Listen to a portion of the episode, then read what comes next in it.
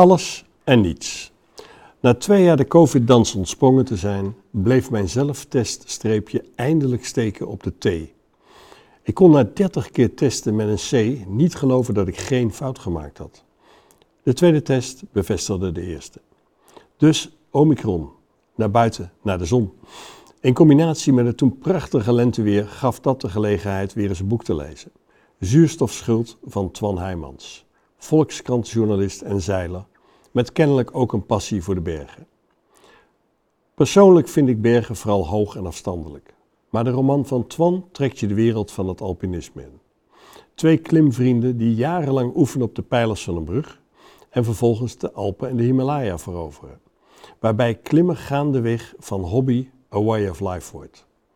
Dit geleideerd met ervaringen en gedachten van beroemde klimmers uit het verleden. Vaak gestorven in het streven naar onsterfelijkheid. Lui lezend nam ik de heftige historie van het klimmen tot me. Tochten die eindigen op de top, in het niets, want er is niets meer om naar op te kijken. Maar het was een mooie dag om boven op mijn laatste berg te staan. Dat is denk ik de kern van het boek. Het trekt je een manier van leven in die krachtig en nietig is tegelijkertijd. Vrijheid en spijkerharde begrenzingen.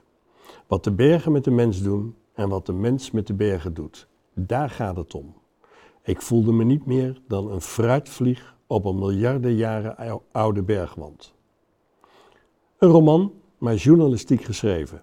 Feit en fictie door elkaar gesponnen tot een spannende page-turner, maar vooral reflectief en tot gedachten stemmend. Ik sprak een vriend van me, een bekende groene activist. Of hij een beetje tevreden was met zijn bekendheid en de resultaten van zijn acties. Op zijn 76ste is hij nog steeds actief om het land duidelijk te maken dat we veel krachtiger moeten ingrijpen om te voorkomen dat de planeet zich tegen ons keert. Terugkerend en terugkijkend vond hij dat hij zich te redelijk had opgesteld. Ik had er harder in moeten gaan. We hebben decennia laten liggen. Veertig jaar terug was ook al duidelijk wat er moest gebeuren. Er zijn momenten geweest dat we het succes voor het grijpen hadden, maar dan verdampte dat weer door politiek geneuzel. Hij was betrokken bij geweldige groene innovaties, maar volstrekt niet optimistisch. Triomf en teleurstelling liggen dicht bij elkaar. Er zijn altijd meerdere werkelijkheden. Een van mijn leukste activiteiten nu is het inspireren van jonge collega's. Bijvoorbeeld tijdens trainingen en vraag maar raak sessies.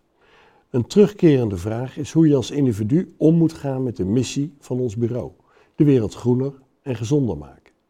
Kun je als individu wel bijdragen? Heeft dat überhaupt zin? Is dat niet op voorhand intekenen op verlies? Anderzijds zie ik jongeren die zo gedreven actief zijn dat je je afvraagt of er wel ruimte voor reflectie, voor genieten is. En of ze zo niet voor sorteren op een onvermijdelijke burn-out.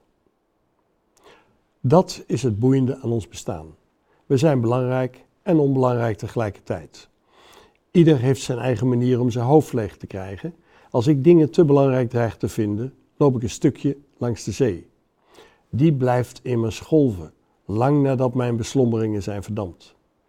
Het is een eindeloos laveren tussen de ongelofelijke prestaties van een persoon als Elon Musk en de totale relativering van het individu in het boeddhisme.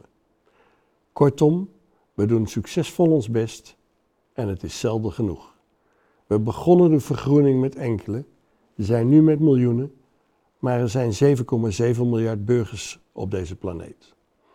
We zijn in staat een berg te beklimmen, maar het blijft onveranderlijk een berg. Alles en niets en daarmee omgaan.